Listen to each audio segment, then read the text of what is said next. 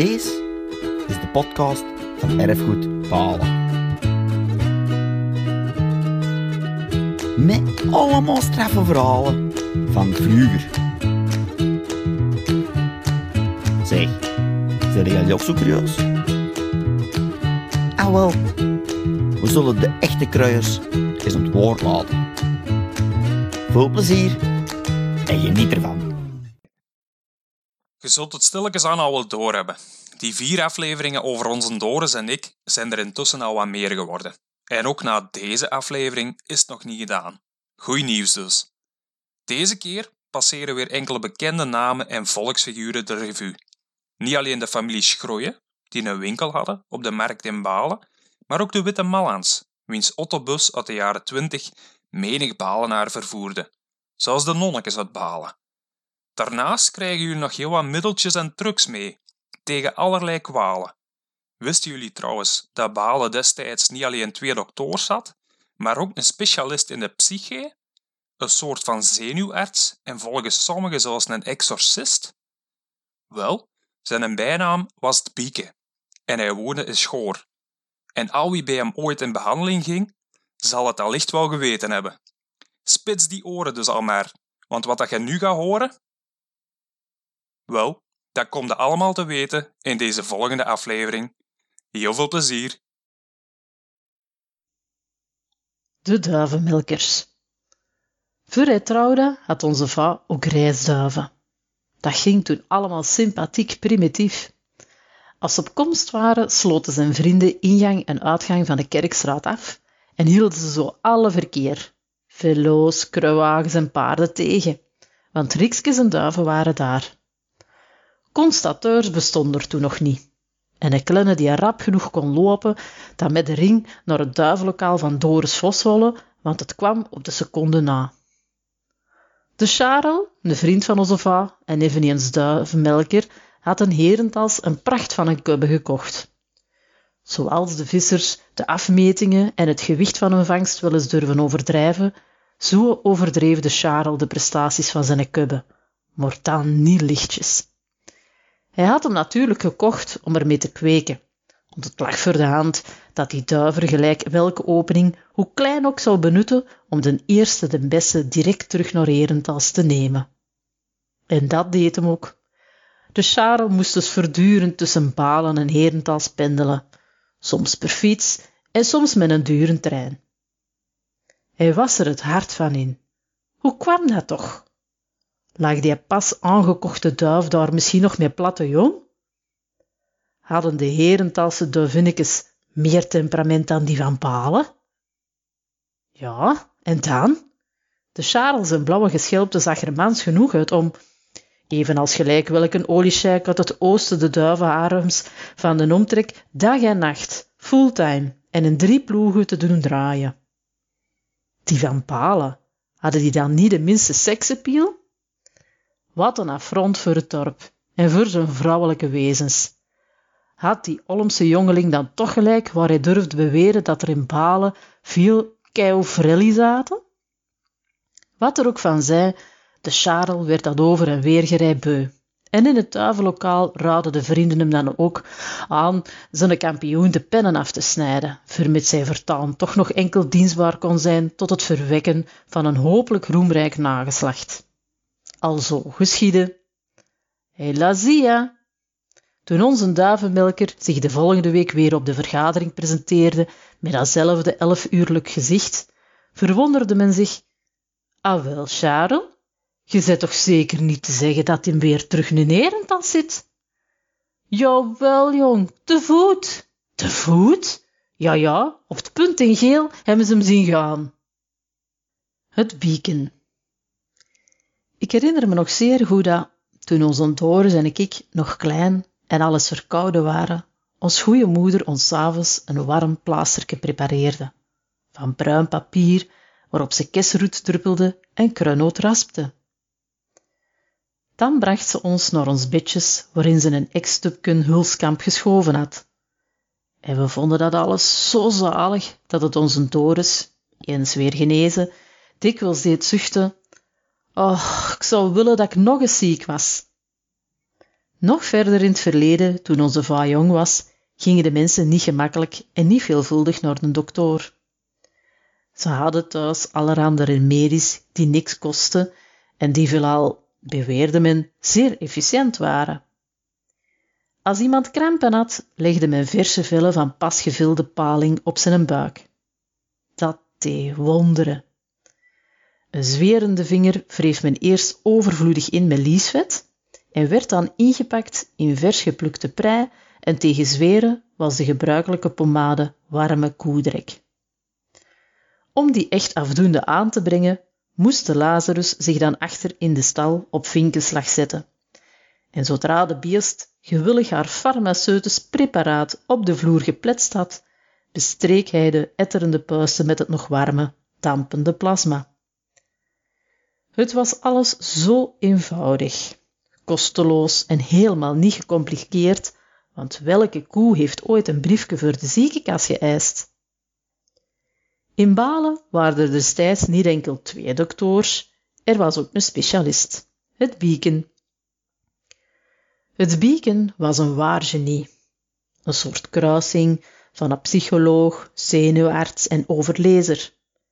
Hij kwam van ergens rond Meerhout, had zich in Balen gevestigd en kon zich verheugen in een zeer talrijk en gevarieerd cliënteel. Hij had al spoedig ingezien, jaren vooraleer men die therapie aan de universiteiten zou onderwijzen, dat de meeste ziektes hun oorsprong vonden in de psyche, de ziel, alhoewel hij dat eerste woord nooit gehoord had of ooit zou horen. Volgens het Beacon waren medicamenten praktisch overbodig. De zieke was ten prooi gevallen van het kwaad, de zonde, de oorzaak van alle merkbare en onmerkbare kwalen. Hij, edoch, had daarvoor twee remedies. Een zieke waarin de duivel zich nog niet te wild manifesteerde, zette hij in een ronde, rieten mand.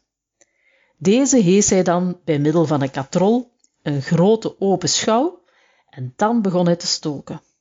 Altijd feller, tot de geroosterde vanuit zijn verheven barbecue begon te kermen en te vloeken en naar beneden riep, Let me beneden, ju, ik stik. Dan toonde het bieke zijn hoofd in de schouw en riep, bemoedigend in het merts, nog vijf minuten en dan is de heks de papet. Voor de zwaardere gevallen had onze schoorse exorcist nog straffere en nog meer spectaculaire middelen. Deze patiënt mocht zich slechts na het invallen van de nacht bij hem aanmelden. Hij moest zijn broek afstropen en zich op handen en voeten voor het huis zetten. Het bieken vogelenpikte dan met een kennershand in zijn achterwerk een brandende kaars, die recht ten hemel moest wijzen. Dit laatste niet enkel om bovennatuurlijke redenen, maar ook en vooral om te beletten dat de gloeiend hete druppels niet direct op zijn blote ku terecht zouden komen. Hoewel dit eveneens kon dienen als voorproef tot het straffen der hel, mocht het toch niet te realistisch zijn. De patiënt zou immers in het omliggende een zeer negatieve propaganda kunnen gaan voeren, en het bieken hield evenals het huidige medisch korps sterk aan zijn klanten. Zo uitgerust dus moest de boeteling dan driemaal rond het huis kruipen, wat een heel moeilijke karwei was. De vlam moest immers in weer en wind blijven branden, en zo de machten der duisternis overwinnen. Alles samen was een soort kaarsjesprocessie van Scherpenheuvel voor de ene man, maar dan wel met een zeer originele kandelaar. De Bijweg. Eenmaal per jaar gingen veel mensen van ons dorp te voet naar Scherpenheuvel. Een vervente bedevaargangster van die tochten was de Zul, een gendarme van een vrouw. Een van die waarvan de mannen van het kamp zegden, madame, ik zou er mijn patatten nog niet kaat durven bij eten. Ze was reeds lang vergaderd in de huwelijke staat met de ferre. Een superpannenkoek natuurlijk, wat dan wel weer voor evenwicht zorgde in het huishouden. De zul was ook al wel eens weg geweest. Ze was echter van Ermoei weer terug naar huis gekomen. Weliswaar iets wat gechanzeliseerd, ofwel gehavend. maar door een langmoedige, vergevensgezinde echtgenoot weer liefdevol onder het echtelijke dak ontvangen. Een zul die, uitgeblust en uitgeblust, de prerogatieven van haar baaschap spoedig terug in handen had genomen en haar een tamme verder den duivel bleef aandoen. Onze va kende hen. Hij wist te vertellen dat in een staminé tijdens een discussie over de vrouwen de verre, opgepept door een dubbele Jacob, in vermetele overmoed op tafel smeet. De vrouwen, de wijven, zijn allemaal zo vals als een kat. Het was even heel stil. En daar verhief dan de zul haar honderd kilo verontwaardiging, voor zoveel majesteitsschennis, zo langzaam, dat de verre van zijn kant ontnuchterd voor zo'n groot potentieel gevaar, bijna onder de tafel kroop en bibberde. Als gij niet, poes! De zul sleurde de verre natuurlijk overal mee naartoe. De vrouwen gingen toen nog niet alleen uit en daarbij had ze een vent of had ze er geen. Hij diende tenslotte vooral voor buitenshuis. Hij moest dus ook mee naar Scherpenheuvel op een bijweg. Die een soort boeteprocessie was, hoewel onze arme pantoffelheid niet inzag dat hij er nog kon gaan doen, gezien het vage vuur voor hem reeds van deze wereld was. Er waren verschillende manieren om deze pelgrimage te volbrengen. Bijvoorbeeld met moeilijke holen of klompen, of zelfs met droge eruiten in de schoenen, en hoe meer men afzag, hoe meer verdiensten men had. Hier moet ik ook nog een woordje placeren over de toenmalige vrouwelijke lingerie. Die was zeer beperkt en onze hedendaagse avant-gardische schonen, met een slipje uit een zakboek gemaakt, weten zeker niet dat sommige van hun grootmoeders en pet-overgrootmoeders veel verger ontvoogd waren dan zij nu. Velen hadden immers gewoon niks aan hun chassis, maar dat compenseerden ze dan met een indrukwekkend stel rokken en onderrokken, die hen daarbij ook nog eens zedig toelieten, zonder iets af te trekken, alleen door iets op te trekken, naast de weg te gaan zitten, om zo in de gracht hun kleine of grote boodschap te doen. Aldus uitgedost trokken onze dames dan op kop naar de steden met de gouden koepels, de mannen achter hen aan. Op een keer, toen de boetelingen reeds een heel stuk weg afgelegd hadden, begon het plots, weinig goeds voorspellend, te druppelen. Regenmantels bestonden toen niet. De vrouwen trokken, zoals dat de gewoonte was, rokken achteraan tot boven hun hoofd, om zo wat bescherming te zoeken. Helaas, de zul had ene onderrok te veel opgepakt, met gevolg dat er zich ten aanschouwen van de pelgrimvaders een tableau ontrolde dat weinig bevorderlijk scheen om hun devotie en hun godsvrucht aan te wakkeren. Er kwam stilaan een gegichel, dat aangroeide tot een onbedwingbaar geschater, zodanig dat de zul eindelijk figuurlijk en letterlijk nattigheid begon te voelen. Ze bleef pal staan, sloeg haar geïmproviseerde paraplu met een ruk naar beneden, keerde zich om en beet haar vent toe. Konde jij dat nou niet zeggen? Waarop de verre in moeilijk verholen leedvermaak femelde. Ik kon ik toch niet weten hoe ge en we bijweg beloofd had? Het reisbureau. Het moet wel de witte malles geweest zijn die het eerste reisbureau in Balen opgericht heeft. Daartoe beschikt hij over een Ford autobusje uit de jaren twintig, dat van enkele hoge venstertjes voorzien was, maar ook, en dat vooral, van spleten tussen de beschotten die dan vanzelfs voor de ventilatie zorgden. De reislustigen hadden aan de achterkant, door middel van enkele treden en een deur, toegang tot het interieur waarin planken aan beide wanden tot zitplaats dienden. Niet tegenstaande deze comfortabele uitrusting valt het te betwijfelen of de witte in onze tijd bij een drie tot vier sterren reisgezelschap zou geclasseerd geweest zijn. Op zekere dag moesten de nonnekes van Balen naar de conferentie die doorging in de zusterschool van Meerhout. Daar die vroede steden toen slechts te bereiken was per tram vanuit Mol, hadden deze kloosterlingen beroep gedaan op het Balense reisbureau. De witte, die zijn vrouwelijke passagiers steeds verwelkomde met een por, een stoot en een joviale Allee, poesje, stapt in, moest zich nu wat inhouden, wat geweldig op zijn altijd gepresseerde zenuwen begon te werken. De kloosters hadden toen nog veel roepingen.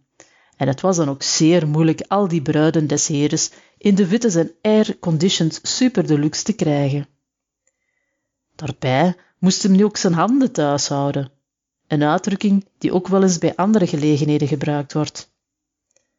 Het was moeder Overste die, zoals dat hoorde, als laatste stond te wachten. De armen tot aan haar vingertoppen zedig verborgen in de wijde mouwen van haar kloostergewaad. Onze reisleider had al lang door dat moeder Angelique zich liever niet door hem behulpzaam zou laten zijn. En daar het hem veel te lang duurde vooraleer zijn waardigheid in het overvolle busje geplaceerd kreeg, mepte de witte daar een kanjer van een treffer op haar achterwerk, die haar zeer onzacht op de schoot van haar medezusters liet belanden. En een van die omstaanders deed opmerken dat de witte beschaamd moest zijn, moeder Overse zomaar op haar gat te slaan. Wat de witte wegwuifde mij, pa, pa, dan moet ze maar eens opnieuw laten weien. De buren. De buren die in onze prille levensjaren een voorname rol gespeeld hebben, waren Trees van Zander en die van de Schrooien. Zander en Trees paten recht tegenover ons een herberg uit met een enorme galachzaal. Het was er op het einde van de week een drukke bedoeling, met het inkeven van reisduiven die per speciale trein naar Quéverin, Saint-Quentin en zelfs verder gevoerd werden, om er zondags heel vroeg gelost te worden. En door zon, regen, storm en wind hun weg zo recht en zo rap mogelijk naar huis te vinden. De vrijdag mochten onze Doris en ik dan bij de tres de ronde rieten mand, die waarschijnlijk nog door het tesken van steeg gevlochten was, gaan halen. Ermee naar Fien en Anna Belman stiegen en ze daar laten vullen met de elke week onveranderlijk eerste prijs, een tafelservies. Dat was voor ons kinderen een heerlijke opdracht. Stel u voor, twee kleine snotneuzen die thuis nog geen zeggenschap hadden over hun eigen jat of taloor, konden daar hun twijfelachtige smaak botvieren over een massa greswerk en beslissen welke kleurige soepterines, kommekes, schotels, sauspannen en andere plas die volgende kermis weer op een balens dis zouden prijken. We sjorden dan een broze, maar zware last over het schrale zand, de keitjes, de steenweg, weer terug, oneindig behoedzaam, als schrik iets te breken en zo onze job kwijt te spelen. En we kregen van een tres dan nog elk een stuk chocolade bovenop. Het was echter bij de schrooien dat wij de meeste uren sleten. Het was geen wonder. Er was het café met die gezellige hoge toog waarop uit een kraan in Delfts porselein fris schuimend bier stroomde. Een biljart op een kraakheldere plancher die bestrooid was met ingekeperde witte zand, zoals bij ons grootmoeder. En er waren altijd veel plezante jonge mannen van de kom van het dorp. Ook in de late namiddag, want in die tijd gingen de mensen nog niet s'avonds op café. Dan was er aan de linkerkant de winkel en we hadden honderden in redenen om er ontelbare malen per dag naartoe te snellen. Want ze verkochten er alles. Sigaren, tabak, wijn, likeuren, speculoos, boter, kaas, snoep, stoffen, garen, lint en hoeden. Achter de winkel was er een chic, klein, donker salon, dat precies zo uit een boek van Proest weggelopen was. Het had een roodzijde abattoir met glinsterende, klingelende parelen, een blinkende zwarte piano met dito rond stoelentje, waar rond bolletjes lustig zwierden, als we het lieten draaien. En een met een zware gordijnen versluierd venster dat uitgaf op de zaal. Die grote, grote zaal, waar, als er geen kermis of spel was, alles opgestapeld werd dat het huis niet kon slikken en waar we in de zomer tussen de welig groeiende geraniums kon zitten als in een prieel waar iedereen welkom was. Er waren dan een joviale vader Victor, een vriendelijke moeder Colette, hun zoon Jacques en de maskes, vooral dan Lisa. Onze Doris en ik hadden voor haar een diepe verering en een grote bewondering. Ze was toen in haar volle fleur en een wolk van een jonge vrouw. Dat onze Doris reeds als kleine bagadder een bijzonder oog voor vrouwelijk schoon had, kon men daaruit opmaken, dat hij telkens, als Lisa bij ons was, herhaalde in hem eigen taal, Moeder, Lisa toch een ferm maken ze. Dat oog heeft hem nog altijd. De geburen hadden toen weinig geheimen voor elkaar. Dat kon ook gewoon niet. We leefden onder één en ik weet nog heel goed dat, toen die van de schroeien zich aan de badkamer hadden laten inrichten naast een bloemekesgang. Lisa er zo bijzonder trots op was dat ze niet kon nalaten de weelde van zo'n heerlijke duik vele strofen te bezingen. Iets wat wij niet verstonden, want we hadden er geen. Ik meen hierbij te mogen opmerken dat het niets ongewoons had. We waren in die jaren niet de enige in ons dorp die verstoken bleven van de weldoende geneugtes, die de Romeinen reeds kenden. Lisa's welbespraakt enthousiasme maakte vooral op onze Doris en op ons moeder een geweldige indruk. Zij had dan om zeer uiteenlopende redenen. Dat heel klein mannen in een bassin gestoken en geschropt werden, had mijn broeder zelfs reeds jarenlang zeer tegen zijn goesting aan den lijve moeten ondervinden. Het was goddank nu voorbij. Hij was met zijn zes jaar een grote jongen. Hij deed het zelf. Dit wel met dubieuze ijver, want hij behoorde tot die wereldwijde kinderclub van antiwassers, van de welke een lid eens aan zijn moeder uitlegde die nacht gedroomd te hebben dat hij in het water gevallen was en of hij zich dan niet die een dag nog moest wassen? Als ons moeder soms, in een voorzichtige poging tot inspectie de deur van ons waskamertje, waar de Doris was, beroerde, stootte hij woeste protestkreten uit. Dat bezoek kon hem immers niets dan miserie brengen, en daarbij, ze kon dan honderdmaal zijn moeder zijn, ze was tenslotte toch een maske? Klein mannen in bad, tot daartoe, vond onze Doris, maar grote mensen? In de nonnekesbewaarschool in zedige kuisheid opgevoed, kon hij maar niet verstaan hoe volwassenen in het bad gingen zonder strijdig te zijn met de leer van het tien geboden gods. Op een keer, toen Lisa, onze moeder, weer eens niet genoeg eenzelfde installatie kon aanbevelen, vroeg onze Doris haar met dreigend, strenge, maar ook ongeruste blik, veel meer begaan met haar zielenheil dan met dat van haar lichaam, of zij dan toch met een badkostuum aan in de badkuip stapte, was Lisa in zo'n onbedaarlijke schaterlach deed uitbarsten dat de jonge moralist met een zucht zijn zedenpreek opgaf. Ze moest het tenslotte zelf maar weten. Maar die badgeschiedenis liet ook onze moeder niet meer rust. Ze wou dat alles ook wel, maar ze zag op tegen de kosten en een ambras. Ze hield niet van breken, wel van veranderen en verhuizen. Dat laatste dan alleen binnenskamers. Met haar bed heeft ze haar hele slaapkamer rondgevoyageerd, totdat, om weer maar iets anders te verzinnen, er haar niets meer overbleef dan het maar onder de schouw te trekken, wat onze vader altijd deed. Verschieten in de vroege morgenuren wakker te worden, met boven zijn hoofd de tippen van enorme sandalen van Sint Antonius van Padua, die bij ons op zeer grote voet moet geleefd hebben. Veranderen tot daaraan toe, zei ze dan, maar breken. En daarbij mocht ze niet terecht beweren dat men ook zonder bad proper gewassen kon zijn. Op ons kleine kamertje, dat tot badkamer voorbestemd was door onze nonkel Pa Fik, en dat het later ook geworden is, hadden we naast elkaar twee witgelakte lavabo's, bedekt met de sierlijkste badhanddoeken van moeders collectie. Op die van de ouders blonk een met een rode en gouden randen beige lampetkom, een zeep en kammenbakske, op die van de kleinmannen diezelfde benodigdheden, maar met kleine bloemetjes. Onze va had zijn roze sponsen handdoek en ons moeder een blauwe met bijpassend washandje.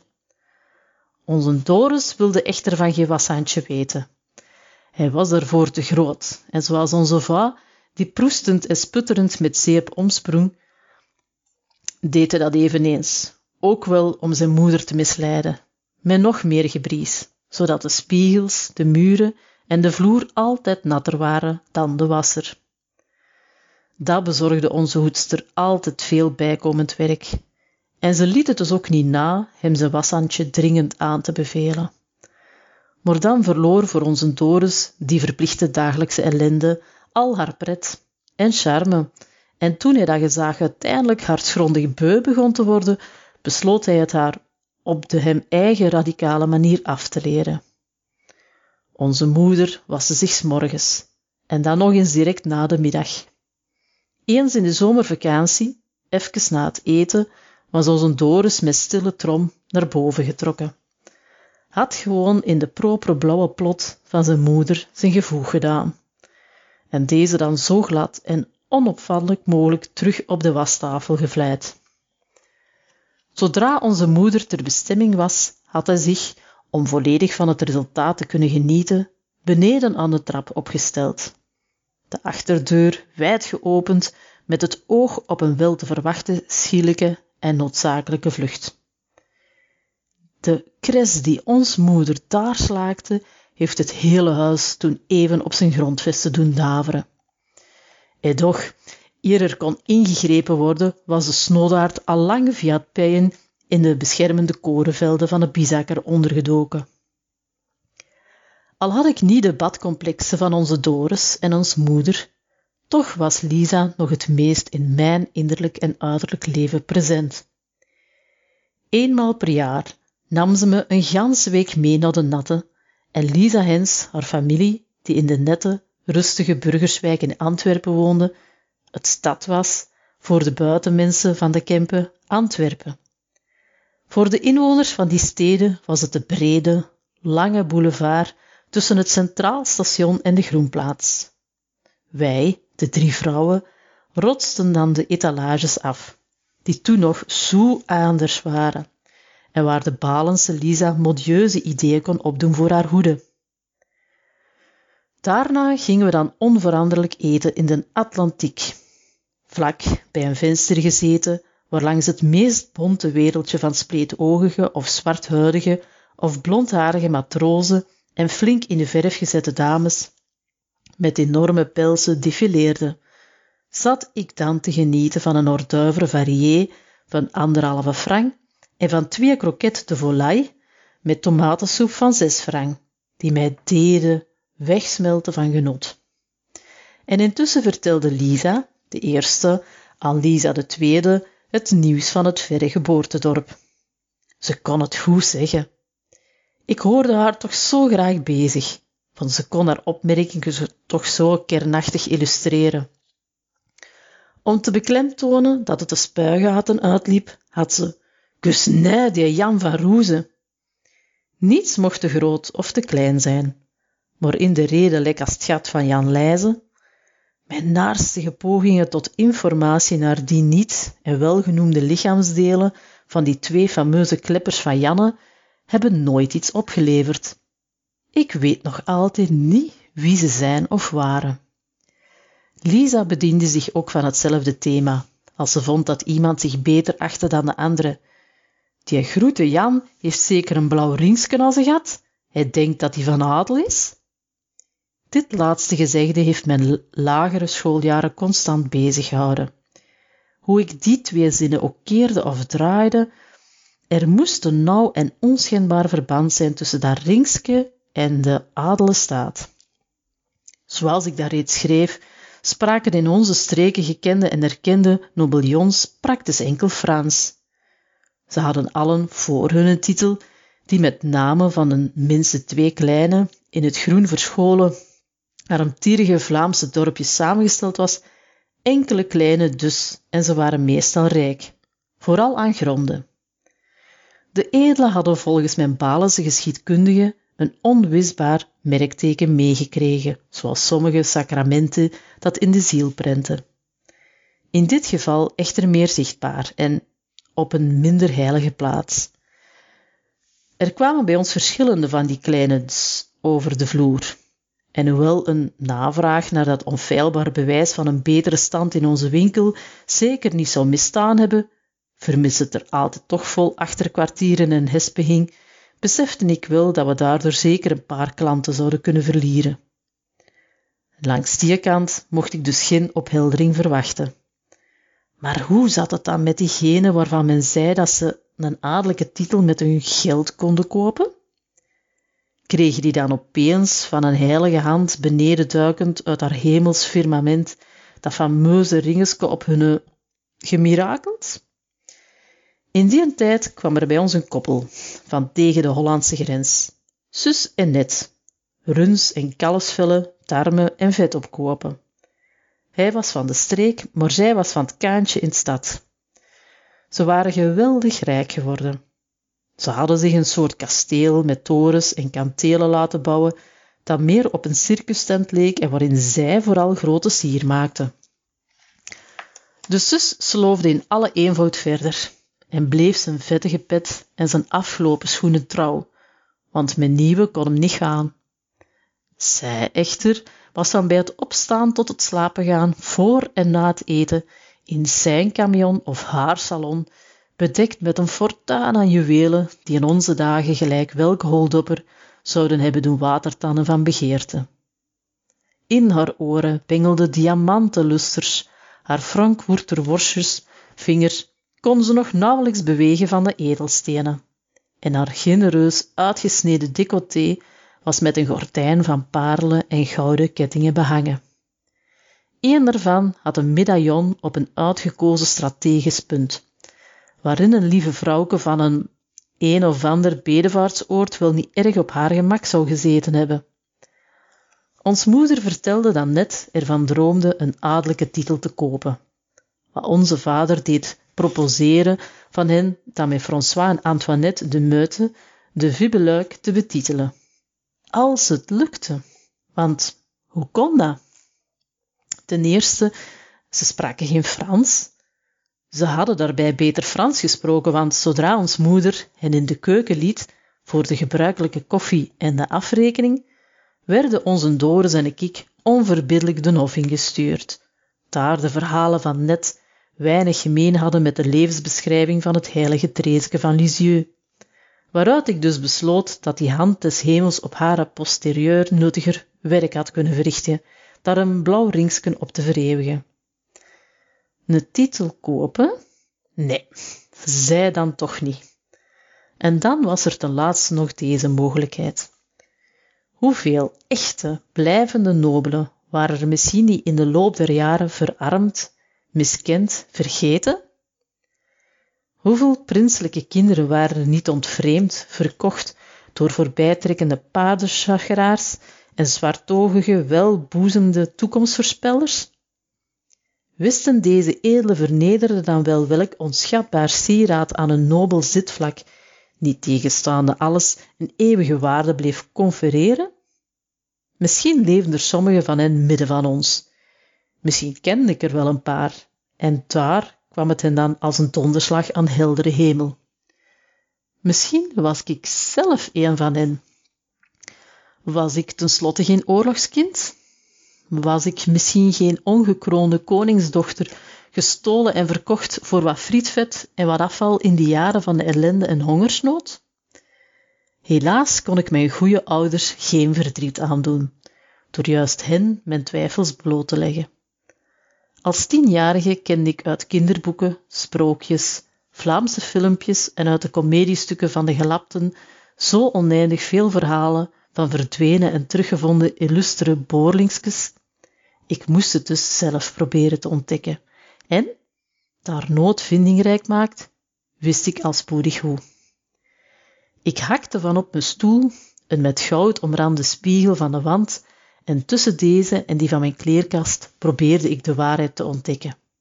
Helaas, hoe ik mij ook kromde, wrong, bukte en een verschot riskeerde, ik slaagde er niet in dat bewuste deel mijner anatomie in het vizier te krijgen. Degenen die denken dat zij het bij zichzelf wel kunnen, raad ik eens aan te proberen. Ik wist het dus niet. Jaren zijn intussen voorbij gegaan en ik weet het nog altijd niet. Ik heb natuurlijk wel ernstige reden om aan een hoge komaf te twijfelen, maar toch. Maar toch. Wie weet. Wie weet.